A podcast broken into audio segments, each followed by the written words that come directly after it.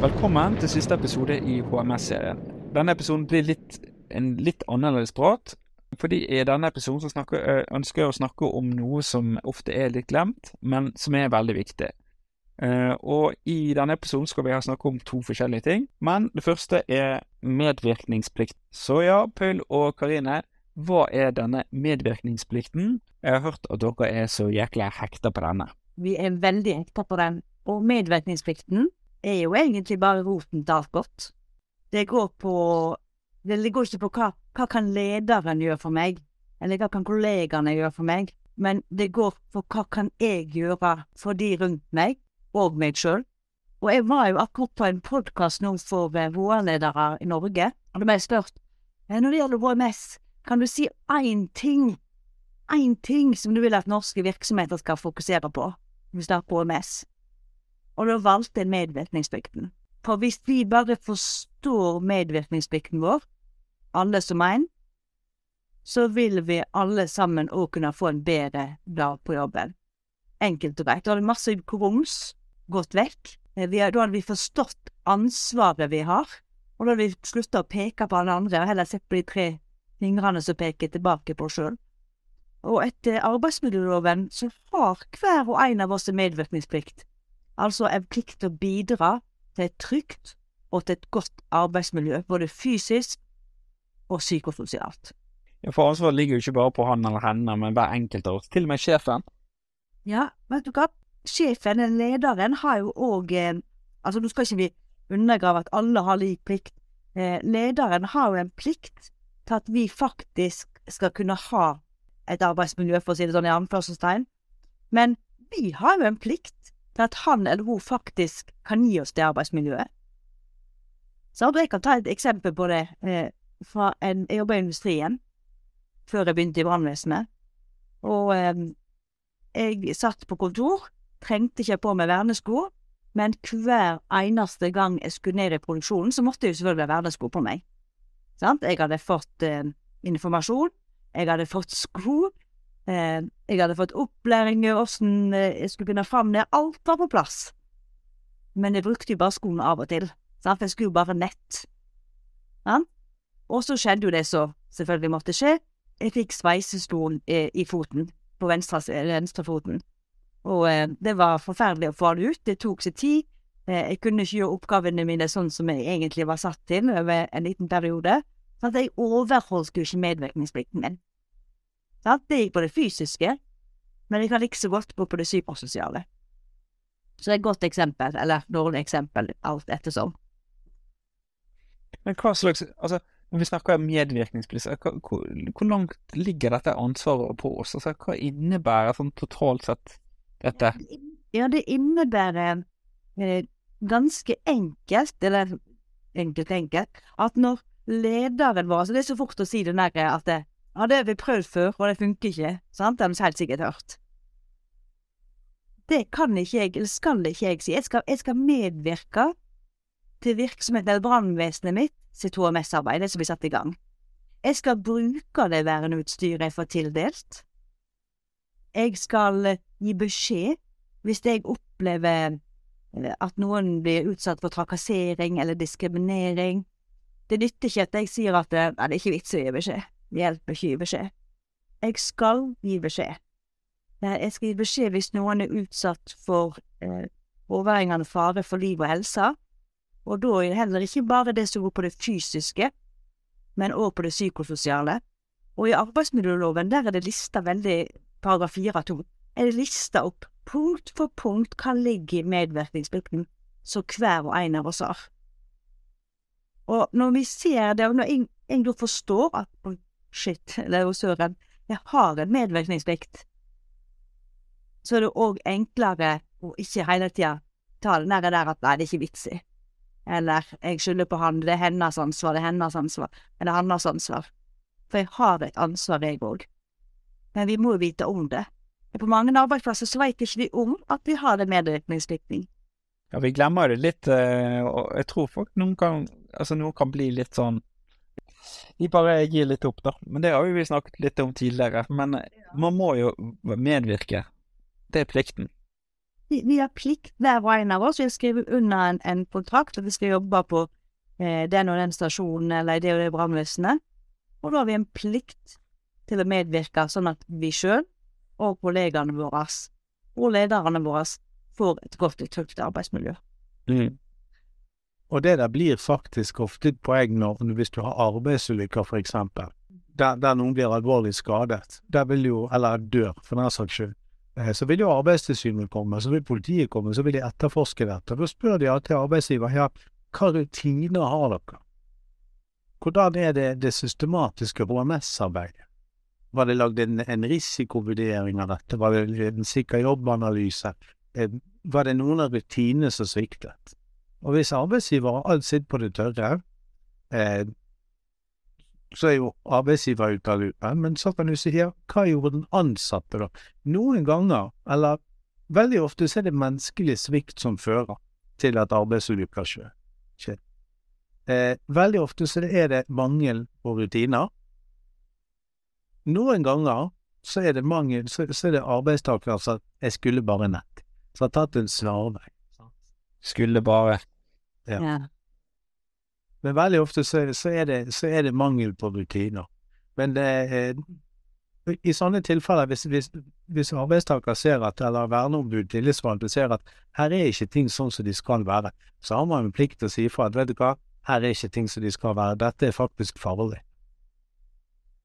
Man skal ikke legge skyld for arbeidsulykker på ansatte, det er arbeidsgivers plikt til å sørge for at ting er i orden, men en skal være klar over at arbeidstaker har en medvirkningsplikt. Og hvis det er gode rutiner, så skal man bruke den. Følge de. Jeg jobbet på en arbeidsplass en gang der vi måtte gå med hjelm på uteområdet. Eh, Det var i oljeindustrien, faktisk. Mange herrens år siden. Eh, og der var det sånn Disse eh, verneombudene, de som, de som hadde liksom sånn vakt som, som verneombud, de som skulle passe på, de hadde grønne hjelmer. Men de gikk rundt, og hver gang vi så den grønne hjelmen, så det nesten sånn som du ser en politibil, du sjekker om sikkerhetsselen er på, sant. Da var det sånn, så gikk jo jeg glidelåsen igjen, jeg har hjelmen på, jeg har Supermann med briller, ok. Eh, for hvis de så noen som ikke hadde hjelm på, da gikk de bort, du, hei, du har ikke hjelm på deg, du må inn og hente hjelmen din. Det var veldig sånn striks, veldig striks. Var veldig nøye på henne nesten. De hadde nesten ikke arbeidsulykker heller. Det var en stor arbeidsplass. Og det er også med medvirkningsplikten å gjøre. Du som arbeidstaker, du kunne faktisk du, Det var nesten sånn politi på plassen der. men Det var sånn de fungerte. De kom bort til deg og sa vet du hva, du må ta på deg hjelmen, for du er pliktig. Sånn som dette kan ikke du gå. Hvis noe detter det, så har vi på Men da har jo de egentlig ikke forstått sin medvirkningsplikt, de som jobber der. Men ikke de skjønner at de skal på liksom sånn som jeg, jeg forsto ikke min medvirkningsplikt. Så jeg tok ikke på meg er bare av og til. Sant? Jeg skulle bare nett ned i produksjonen. Så jeg forsto ikke medvirkningsplikten min.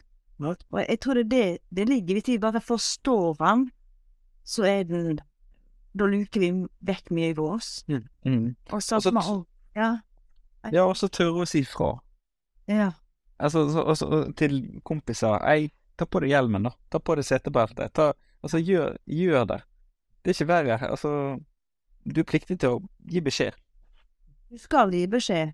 Og det der med, med, med setebeltebruk òg, sant. Eh, hvor, hvor kjapt er ikke det bare eh, ta på seg det der, der setebeltet, sant. Og tenk den følelsen vi har hvis ikke jeg har gitt beskjed til deg, Eivind, eller til deg, Paul, og så kommer vi ut for en hendelse der vi skulle hatt setebelte. Det loven sier, at vi skal, arbeidstakere skal medvirke ved, både ved utformingen av og gjennomføringen og oppfølgingen av virksomheten sitt systematiske HMS-arbeid. Så vi kan ikke bare sitte med Altså, vi kan ikke sabotere ved bare å sitte i ro og ikke gjøre noe.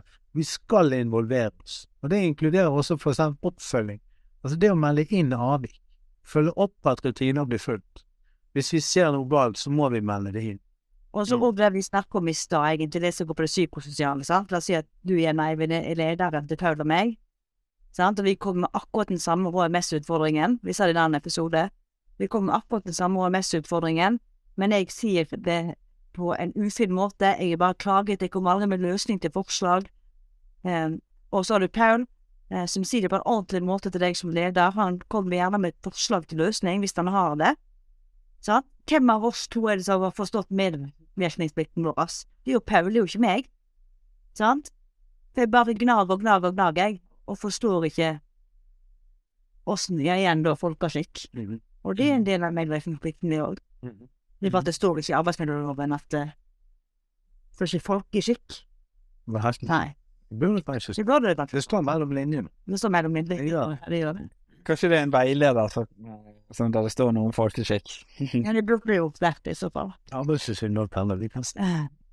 Men det som er litt sånn interessant, det er jo det at for eksempel når du skal medvirke, så Jeg har jo opplevd ofte at disse gamle gubbene når vi vært i brannbilen, har ikke gidder å ta på seg setebelte. Og vi har jo hatt nok av hendelser der ja, folk har Altså, vi har jo eh, altså, rykket ut på folk som ikke har brukt uh, setebelte, og at faktisk brannfolk har blitt kastet ut av bilen fordi de ikke har hatt på seg setebelte. Så det er litt sånn Vi må gi beskjed. Der kan jeg ta, og det kan jeg ta opp på en sånn HMS-dag som vi snakket om i en annen episode. At eh, hvis du sitter i baksetet på en bil Jeg har vært på mange trafikkulykker. Jeg har også vært på trafikkulykker der personer har sittet i baksetet uten sikkerhetssele, og så har bilen krasjet og fått en stans. Og så har vedkommende i baksetet, dette er et reelt eksempel, mange år siden, ble kastet frem Eh, jeg vet ryggen til han ene som satt foran i et av eh, setene foran i bilen, har knakk ryggen. Fordi at du kan tenke deg en person, en mann, si 60-70 si 70 kilo. Og så kommer bilen i 40 km i timen, og så får han en bomstopp. Da flytter de 70 kiloene seg fremover. Og da har du ikke lyst til å sitte der i setet foran. Nei, vi kan jo gjøre litt sånn eh, sport da, ut av det, da. At vi kan bestemme oss for at vi skal bli det beste vaktlaget i Norge. Eller det beste brannvesenet i Norge.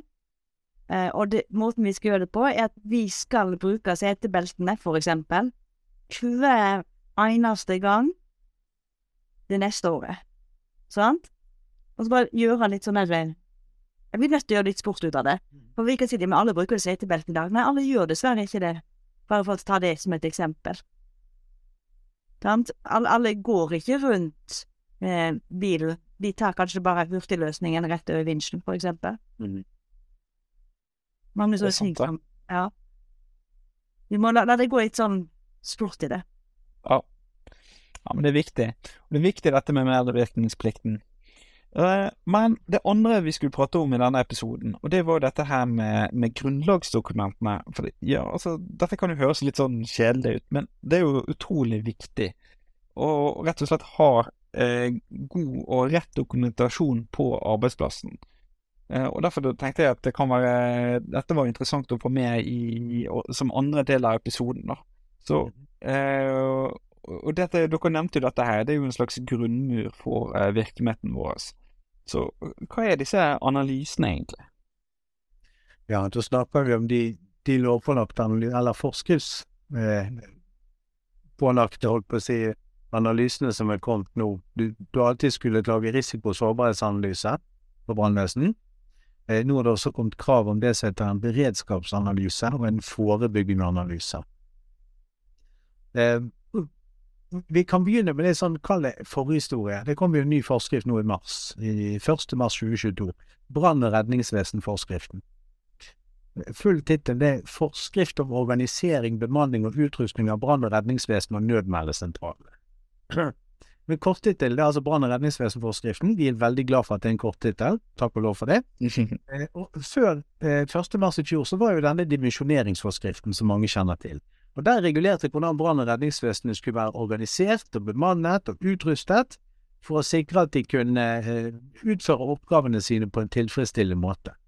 Eh, og i forhold til den risikoen som forelå i, i kommunen. Eh, Jo, ikke bare i kommunen. ansvarsom. Ikke. Og det er viktig å si. Ja.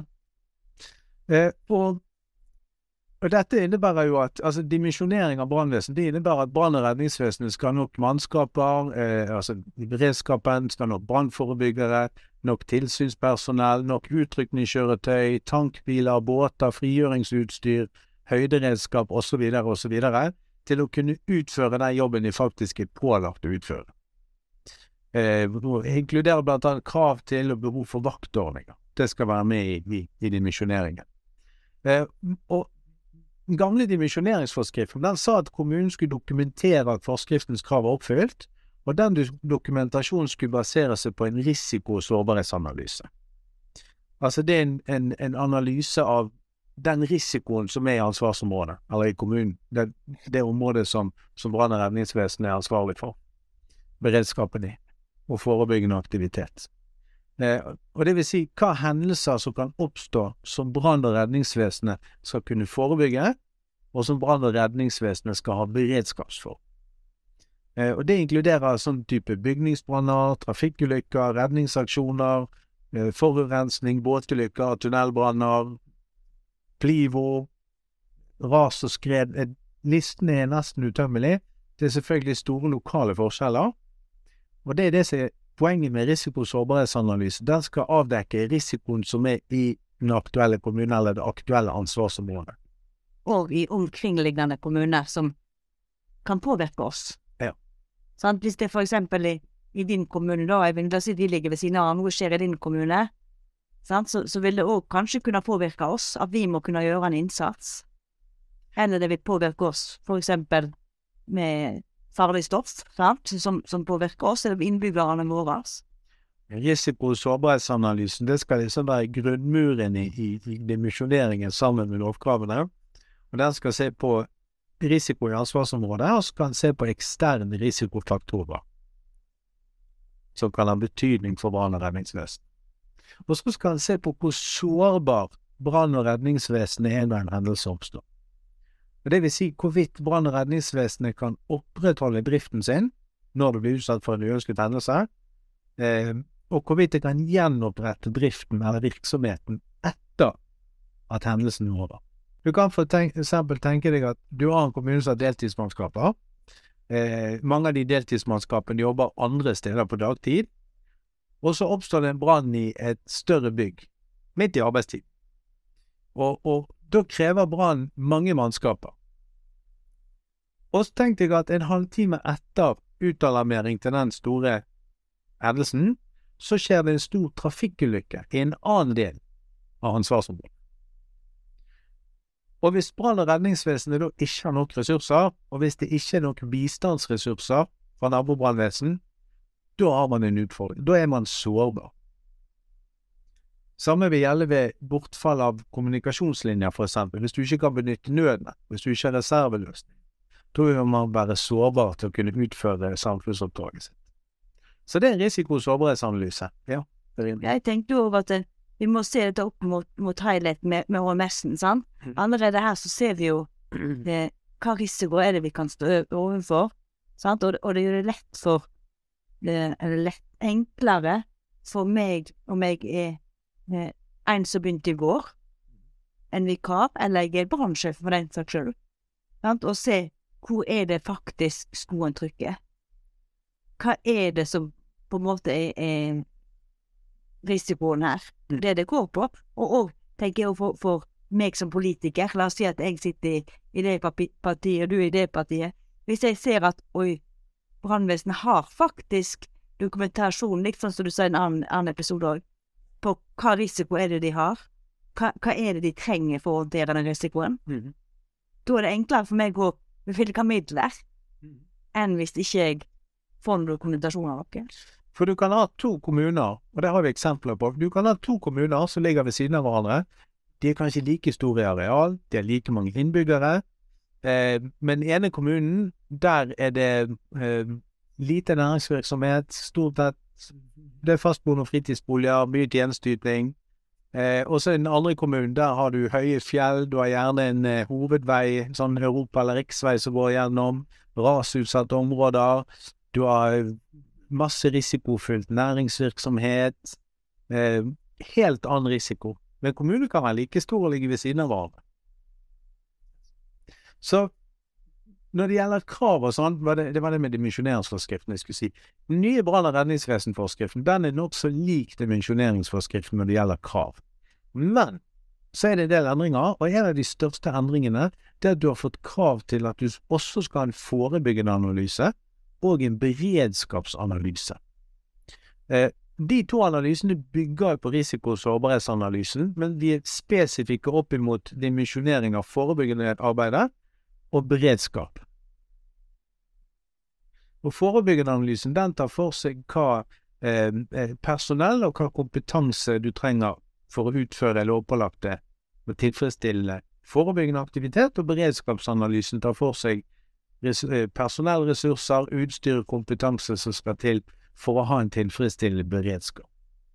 Og Da vet vi at Forskriften stiller jo krav om du skal ha så og sånn vaktordning hvis det er så og så mange innbyggere, du skal ha så og så mange vaktlag osv. osv. Men det skal også være basert på risikoen. Og ved å analysere, sette opp risikoen og lovkravene opp imot hva du trenger, så vil du få en sånn fasit, kan du si. Hva er det vi trenger? Dette er det vi driver og gjør for, eh, for eh, brann- og redningsvesen. Det er en utrolig interessant oppgave, fordi at det finnes ikke to brannvesen som er like. Det finnes ikke to ansvarsområder som er like. Nå er det meg som maser mye her, beklager. Jo da, men dette kan jo gi eh, en økt eh, fokus da, og eh, forståelse rundt dette med HMS og, og Ja. ja. For, for når, når du, da har du på en måte sant, du, du finner Hva skal jeg si Du finner jo gullet inni der. Det gjør du. Ja. Eh, det er en fin måte å få involvere. Du skal involvere eh, vernetjenesten, du skal involvere de ansatte i dette arbeidet her. Sant? Så det er en fin måte å finne ut av hvor er det egentlig skoen trykker. Men òg dette her, som sagt i stad, opp mot de som sitter på pengene. Mm. Sant? Eh, og eh, de avdelingene imellom. Da er det Når de sitter på dette her og ser Å ja, er det derfor forebyggerne gjør det? Og er det sånn beredskap gjør? Vi, vi, vi får økt forståelse for hverandre sitt felt. Mm. Det? Og det kan du se på det vi har snakket om i de tidligere episodene og i forhold til HMS. Du får involvert verneombud hos vernetjenesten, tillitsvalgte, ansatte. Ledelsen sitter oss ned, vi sitter oss ned rundt samme bord. Vi sitter oss ned og ser hva har vi i dag, hva er kravene, hva er risikoen, hva må vi ha. Noen brann- og redningsvesen, der, der har de egentlig alt på stell, der, der er det ikke så mange hull, finner vi. Mens i andre brann- og redningsvesen, der er det et stort gap mellom det de har, og det de trenger.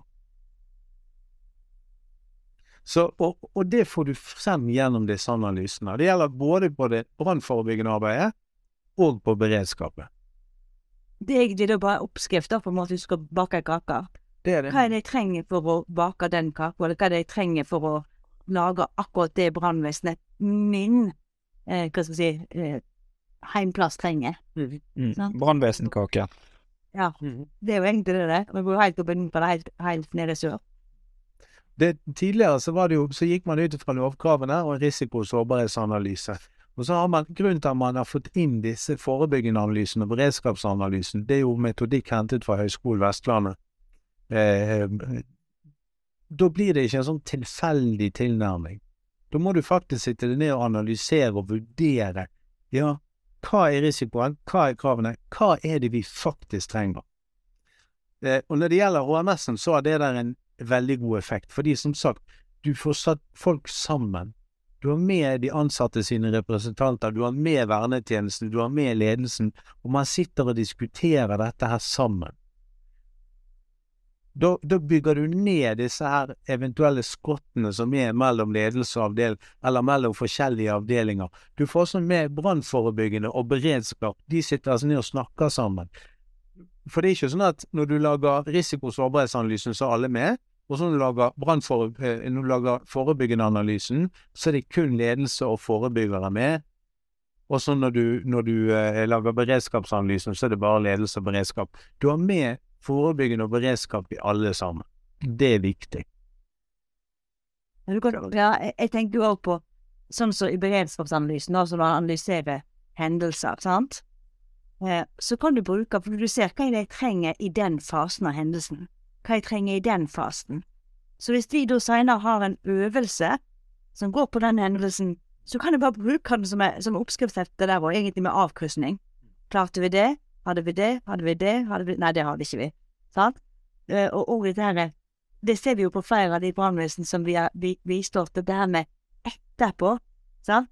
Eh, hva var det vi faktisk trengte da? Hva, hva trengte vi av, av defusing, debrifingssamtaler? Hadde vi det? Klarte vi det?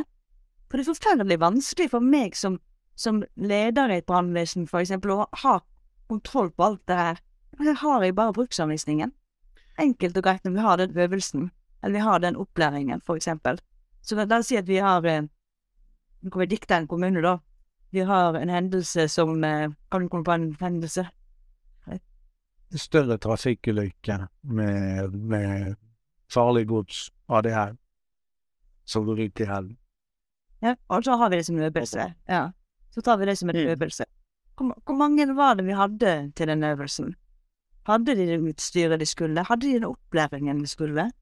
For det beredskapsanalysen dreier seg om, det er å, å og det står jo faktisk direkte i, i Vane redningsvesenforskriften, eh, dimensjonerende hendelser. Du skal ta utgangspunkt i dimensjonerende hendelser. Det vil si store hendelser som vi skal dimensjonere beredskapen etter. Ikke de små dagligdagse, men de større. Mm. Og da lager du rett og slett et oppsett. Hva gjør vi? Hva behov og tiltak har vi? Hva personellressurser trenger vi? Hva utstyr trenger vi? Hva kompetanse må mannskapene ha i de forskjellige fasene? Eh, i, i, veilederen med temaveiledningen så bruker de denne her eh, eh, Der er de tre faser. Varslings-, utryknings- og ankomstfasen, det er en fase. Så har de aksjonsfasen, og så har de normalisering. Og der er også momenter fra HMS tatt inn. Sånn som så rene og skitne soner på brannstasjonen. En skal sanere utstyr, kjøretøy. Eh, debrifing, defusing, eventuelt kollegastøtte. Alle disse tingene skal være på plass. Så da får vi også inn avvik ved, når vi går gjennom hendelsene. Kan de har kjempegod beredskap for det, men så har ikke de rene og skitne soner. Ja, da må det inn tiltak. Da skriver vi det i sammendraget først. Analysen avdekker at det er god beredskap, men mangler ved i forhold til HMS, rene og skitne soner, ventilasjon på brannstasjonen osv. Så, videre. så HMS-perspektivet det er med hele veien i analysene. Mm. Både i forhold til kollegastøtte, rene og skitne soner, ventilasjon, adskilte herre, damegarderober. Alt dette beskriver man jo i analysen. Er det noe krav til disse analysene, da? Ja, det er det som er det nye. Eh, Risiko- sårbarhetsanalyse har det alltid vært krav om, eller har det vært kravet med i, dimensjoneringsforskriften, som nå er utgått. Eh, og nye brann- og redningsvesenforskriften som trådte i kraft 1.3.2022, den setter krav om eh, risikosårbarhetsanalyse, forebyggende analyse og beredskapsanalyse. Så det er faktisk lovpålagt. Ja. Det er mye å fortelle om disse analysene, det kan jeg bare si. Når det gjelder, eh, når det gjelder eh, HMS, så som sagt, det, det at du får med verneombud og tillitsvalgte, at de sitter ned sammen med ledelsen, så er vi med når vi er med som konsulenter. Eh, så sitter vi rundt samme bord. Der ser vi òg av og til disse her litt sånn isfrontene, kanskje. De bygger vi ned når vi, når vi har disse prosjektene. Og vi ser veldig ofte at hvis det er hull i beredskapen, hvis det er hull i det forebyggende arbeidet, hvis det er ting som ikke er som det skal være, så ser du at alle, alle vet det. Alle er enige om det. Det som er litt morsomt, eller litt interessant, artig, ja, morsomt faktisk. Noen ganger så, så, sitter vi oss ned på et oppstartsmøte, vi får masse dokumentasjon, vi utarbeider analysene, vi, vi ringer, eller vi begynner alltid med risiko- og sårbarhetsanalysen, så ringer vi underveis når det er noe vi lurer på, vi sender e-post, masse kommunikasjon, og så kommer vi med et utkast til risiko- og sårbarhetsanalyse. Og der ser vi jo allerede der om det er noen mangler. Og, og noen ganger så har ikke de sagt det til oss i det hele tatt. De sier nei, nå skal vi se hva disse her konsulentene finner ut av. Sant? Så vi jobber sammen med de med analysen, men de sier ikke hvor de føler skoen trykker. Men så ser vi at ja, når vi kommer med, med, med utkast til analysen, så sier vi her dere mangler faktisk det. Her er det noe hull på kompetanse, dere må gjøre sånn og sånn. Ja, det var, det var dette her vi, vi så etter. Og det, både tillitsvalgte, verneombud, eh, andre ansatte, leder forebygging, leder beredskap, brannsjef, alle sammen liksom Det er dette de vil se. Det er veldig artig. Men vi er sånn omforent. Vær så god. Eh, ja, for det, det som er når, når vi går i den vanlige tralten vår på jobb, sant? hver dag, det er så hektisk, det er så mye vi skal gjøre, sant? så skjer det nye ting, vi får ny risiko, nytt utstyr videre, eh, nye krav, sånn som nå med krav til overflateredning for eksempel hos alle, sant? det med plivopplæring og så videre, så har vi kanskje ikke fått økt antall øvelsestimer. Mhm. Sant? Det er likt som det alltid har vært. Sant? Og det hjelper ikke at jeg da sier at jeg trenger x antall flere timer til øvelsestimer. Jeg må dokumentere hvorfor. Mm. Og der kommer òg disse her eh, Vi kan si at analyse er dill, det er tull, det er mye papirarbeid. Men det som er så gull med dette, kan jeg vise hvorfor jeg trenger å øke fra x antall øvelsestimer i året til y antall øvelsestimer i året. For det er også en del av beredskapsanalysen. Ja, da får da får jeg vist det. Det samme med, med forebyggere, med antall brannforebyggere vi har, sant. Eh, Hvorfor er det faktisk trenger så mange? Jeg får, jeg får vist det, men jeg får ikke gjort det i det daglige, for her er det så hektisk. Det er så mye. Men, men da jeg setter meg ned, gjør disse tingene, så får jeg faktisk se hvor er det gapet er, rett og slett. Mm. Og en annen ting i forhold til HMS som, som vi tar opp i analysene, det er jo at altså, vi vurderer uønskede hendelser, risiko og samfunn. Større trafikkulykker, industribrann, eh, brann i båt, eh, båt på skjær, sant. Eh, men vi vurderer også uønskede hendelser som rekrutteringsutfordringer, hvis det er en utfordring. Eh, arbeidsrelatert skade og sykdom. Mangle kompetanse, mangle øvelser. Det er også sånne uønskede hendelser som vi tar opp. For det er direkte noe å si for risikoen i kommunen. Du kan ha forholdsvis lav risiko, liten næringsvirksomhet, lite gjennomkjøringsveier, lite trafikkulykker, men hvis du har et ikke-fungerende brann- og redningsvesen, da har du likevel en utfordring. Så det er sånne hendelser vi vurderer òg. Det samme sa du vel egentlig, da. Men la oss si at eh, analy, eller vi, veit at vi skal være x antall personer. Men så er vi et deltidsbrannvesen. Der det er vanskelig å rekruttere folk. Der det, der det er vanskelig for folk til å komme når ting skjer, på grunn av at de jobber kanskje dessverre litt for langt vekk enn hva de egentlig skulle ha gjort, sant. Så det, men vi klarer ikke å få folk nærmere, for vi har ikke arbeidsplasser der de bor nærmere stasjonen, eller de skal bo nærmere stasjonen, eller, eller de bor nærmere stasjonen òg, som gjør at ja, men da må vi faktisk øke med fire mann til, eller to mann til, eller seks mann til. Jeg kan ikke vise som brannsjef at vi må øke med seks personer, bare si at ja, vi trenger flere folk, vi. Vi trenger mer penger, jeg. Dropp de midlene til den skolen eller barnehagen eller sykehjemmet, for jeg trenger penger. Sånn kan ikke vi Vi må faktisk vise til hvorfor. Du må dokumentere det. Mm. Og, du, og det står faktisk, det skal være en del av det du skal vurdere i beredskapsanalyse. Det samme med det, med det forebyggende arbeidet. Du skal se hva personell trenger vi, hva kompetanse trenger vi. Det er også en grundig analyse, og det kan være snakk om færre årsverk. Hvis det er en kommune med, med, med 10 000 innbyggere, så skal du ha en leder i, i 50 altså et halvt årsverk som leder, og så skal du ha ett årsverk som forebyggende personell, og så skal du ha brannforebyggende, altså det som tidligere er et seier i tillegg. Ja. Det er, ikke, det er ikke snakk om mange mennesker, men du har noen krav, og så må du se, ja, men her har vi store avstander, eh, vi har kanskje masse tettbygd strøk, altså tett verneverdig trehusbebyggelse, vi har eh, store industribedrifter, stor risiko, masse farlig stoff, masse båttrafikk, masse turister, enormt antall trafikkulykker i forhold til størrelsen på kommunen, kanskje vi ikke har ambulansestasjon i kommunen, for det er masse helserelaterte oppdrag. Da vil jeg si at da må du skru opp. I forhold til forebyggende må du skru opp, i forhold til beredskap må du skru opp. Kanskje. Det er jo det analysen må vise. Mm. Men det er sånn typisk sånn momenter som har veldig mye å si. Eh, I forhold til brannforebyggere, du, du har jo kommuner som er veldig små. Der folk basically bor i ett eller to tettsteder. og det er 20 minutter å kjøre fra den ene enden til, ene til den andre. Eh, og det er ikke mye fritidsboliger. Da vil en brannforebygger kunne normalt kunne dekke flere eh, eh, fyringsanlegg og skorsteiner enn hvis det eksempel her hvor vi bor. Eh, her er det sånn at noen steder kan du bare feie om vinteren fordi at du må ha snøscooter. Og det er ikke sånn at det tar 20 minutter fra du har parkert bil. Du må kanskje kjøre den snøscooteren i en og timer. halv time. Da er du fremme. En og en halv, kanskje fire-fem timer. Eller kanskje fire-fem. Kan hende bedre deg. Men da er det dumt når folk ikke er hjemme, da. Mm. Da har du brukt ni timer. Så det kan ikke være greit å feie flere samtidig, da. Men det er langt imellom. Så det er veldig store lokale forskjeller, og det er sånn du får frem i en forebyggende analyse. Mm.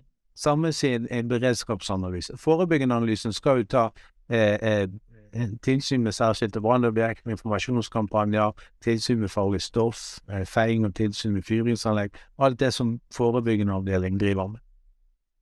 Yes. Ja, så disse analysene, det er Det legger i hvert fall til rette for at vi kan gjøre en god jobb.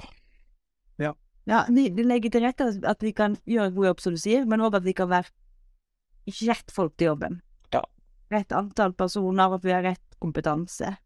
Mm.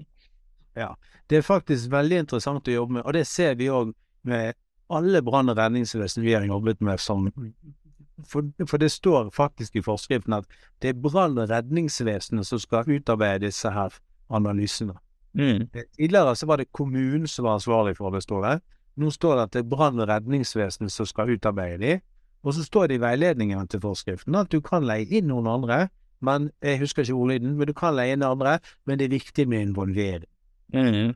Det ser vi jo. Og det hender at når vi sitter oss ned på et oppstartsmøte, så, så er det sånn og alt det der. Da blir det heller ikke å skru på en bil eller gjøre et eller annet. Men engasjementet er der med en gang. Fordi at dette her har en direkte årsak til at man eventuelt får flere ressurser hvis man trenger det, eller kan opprettholde den forebyggende aktivitet eller eh, antall stillinger og sånn som har forebyggende og beredskap.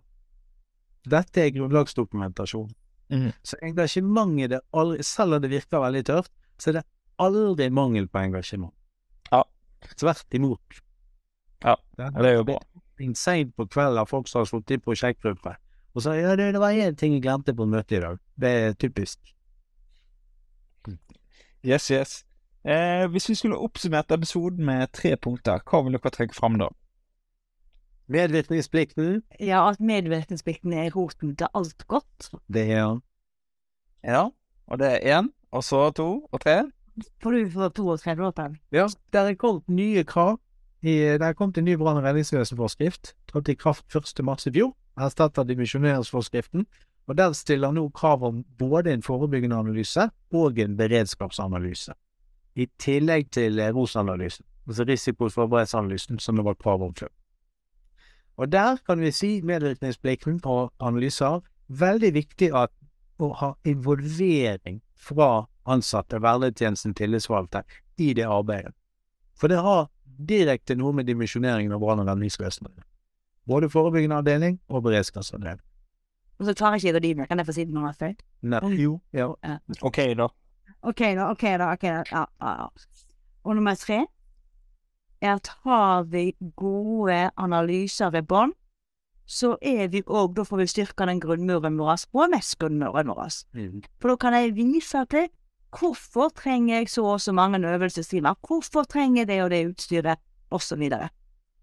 Det klarte jeg å si Det vi har snakket om i tidligere, bare som eksempel, vi har snakket om i tidligere episoder om dette med hørselsvern med radio inni og sånn. Det var noe man etterlyste. Disse analysene er en fin måte å få frem det behovet. Vi har faktisk skrevet det inn i analyser som behov. Ja, så bra, da. Eh, da tenker jeg at eh, Jeg kan jo bare tipse de eh, som lytter på, at hvis dere ønsker å vite mer om en god, eh, god HMS i brannvesenet, så kan dere ta kontakt med disse to i Einheim Safety. Og da takker vi for en eh, god miniserie med Paul og Karine, eller HMS-prinsessen og kongen. Yes. Da er ikke helt Tenk på Nei, yes. Simon. Takk for nå.